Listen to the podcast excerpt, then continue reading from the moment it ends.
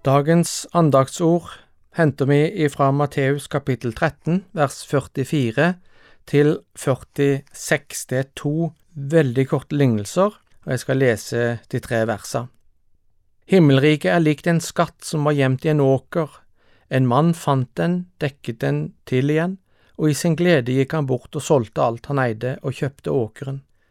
Himmelriket er også likt en kjøpmann som lette etter fine perler. Da han fant en særlig verdifull perle, gikk han bort og solgte alt han eide, og kjøpte den. I kapittel 13 har Matteus samla flere lignelser som handler om himmelriket. Det handler ikke om den hinsidige himmelen, sånn som i den nye himmel og nye jord, men om Guds rike som har brutt inn i vår verden på en foreløpig måte, og som siden skal slå ut i full blomst ved tidenes ende. Det er flere måter å forstå disse lignelsene på. Noen vil tolke alle enkeltheter i lignelsen, andre igjen vil ikke tolke alle detaljene, men mener at hovedpoenget er at den skjulte skatten og den kostbare perla er Guds rike som er skjult til stede i verden. Det får frem viktige trekk ved Bibelens budskap, først og fremst dette at det er mulig for oss mennesker å finne Gud hans nåde, Hans frelse, ja, Herren Jesus Kristus sjøl er den store skatten og den verdifulle perla, og det gjelder for oss å finne den. Du må ofre alt for å få tak i det aller viktigste. Kanskje husker du fortellingen om den rike unge mannen som kom til Jesus. Han ville så gjerne bli kjent med Messias og følge Jesus. Da sa Jesus til han gå bort og selg alt du eier og gi det til de fattige, kom så og følg meg. Da gikk den unge mannen sorgfull bort, står det, for han var veldig rik. Det var noe i livet hans som fikk plassen før Gud. Da blir det en avgud, og ikke forenlig med å følge Jesus. Eller husker du versa om at den som vil følge Jesus, må ta sitt kors opp og følge etter han? Det er en måte å uttrykke det på, at det koster alt å følge Jesus. Dette er viktige bibelske poeng, men jeg tror kanskje at det er mulig å snu perspektivet helt rundt, og se at disse lignelsene òg kan få frem noe annet. Nemlig skatten i ågren og den kostbare perla, det er du, og det er jeg. Da må vi se for oss noe som er viktigere enn det jeg har sagt til nå, nemlig at det er Gud som leiter etter skatter og kostbare perler. Jeg ble sjøl en kristen i tenåra, overraskende for de fleste som kjente meg. Av og til sier jeg at jeg fant Jesus i ungdommen. Det er for så vidt sant, men enda sannere er det at det var Jesus som fant meg. En sånn forståelse av lignelsene stemmer med hva Bibelen sier om prisen som Gud var villig til å gi for å få med og det som sin skatt, sin perle. Han gikk bort og solgte alt han eide, og kjøpte med, og kjøpte det. Ja, Jesus var villig til å gi livet sitt for at du skulle bli funnet av Gud og regna som hans skatt, hans dyrekjøpte eiendom. Du skal bare la deg finne av Han som leiter, så plukker Han deg opp og tar deg med seg hjem. Prisen, den er allerede betalt.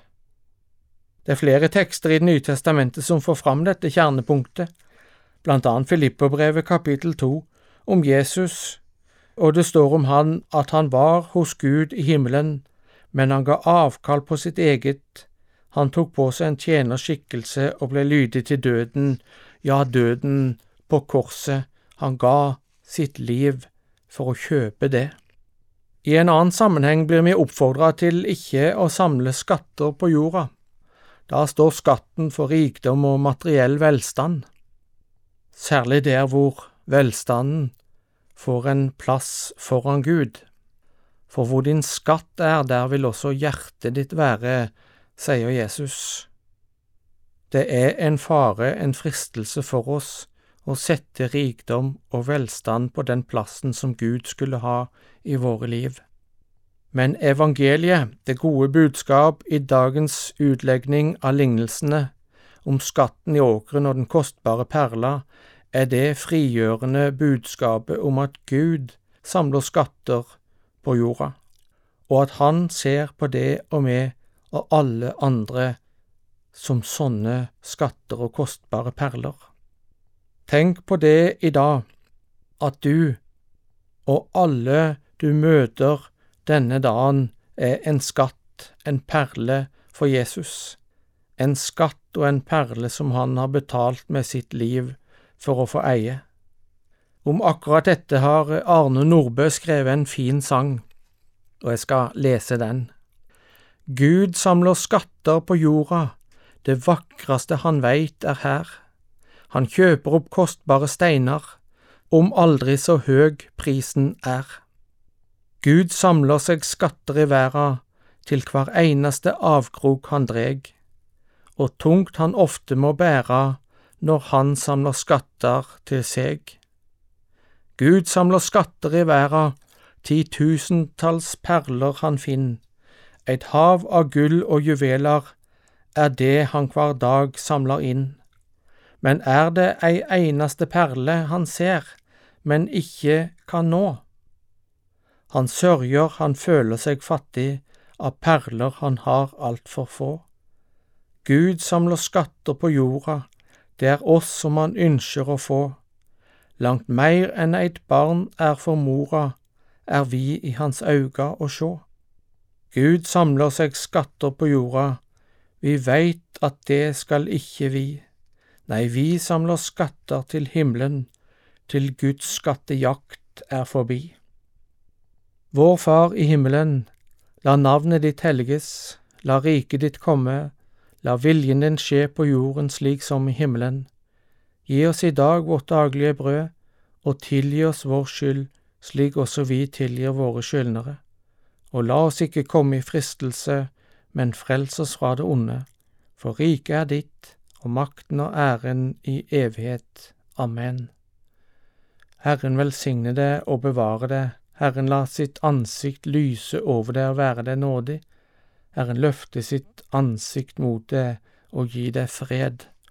Amen.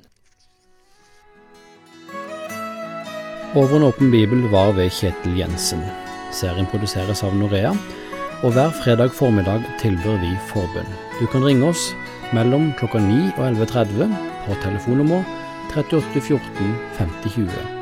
38 14 50 20. Eller du kan kontakte oss via Facebook og skrive e-post til adressen post alfakrøll norea.no. God helg.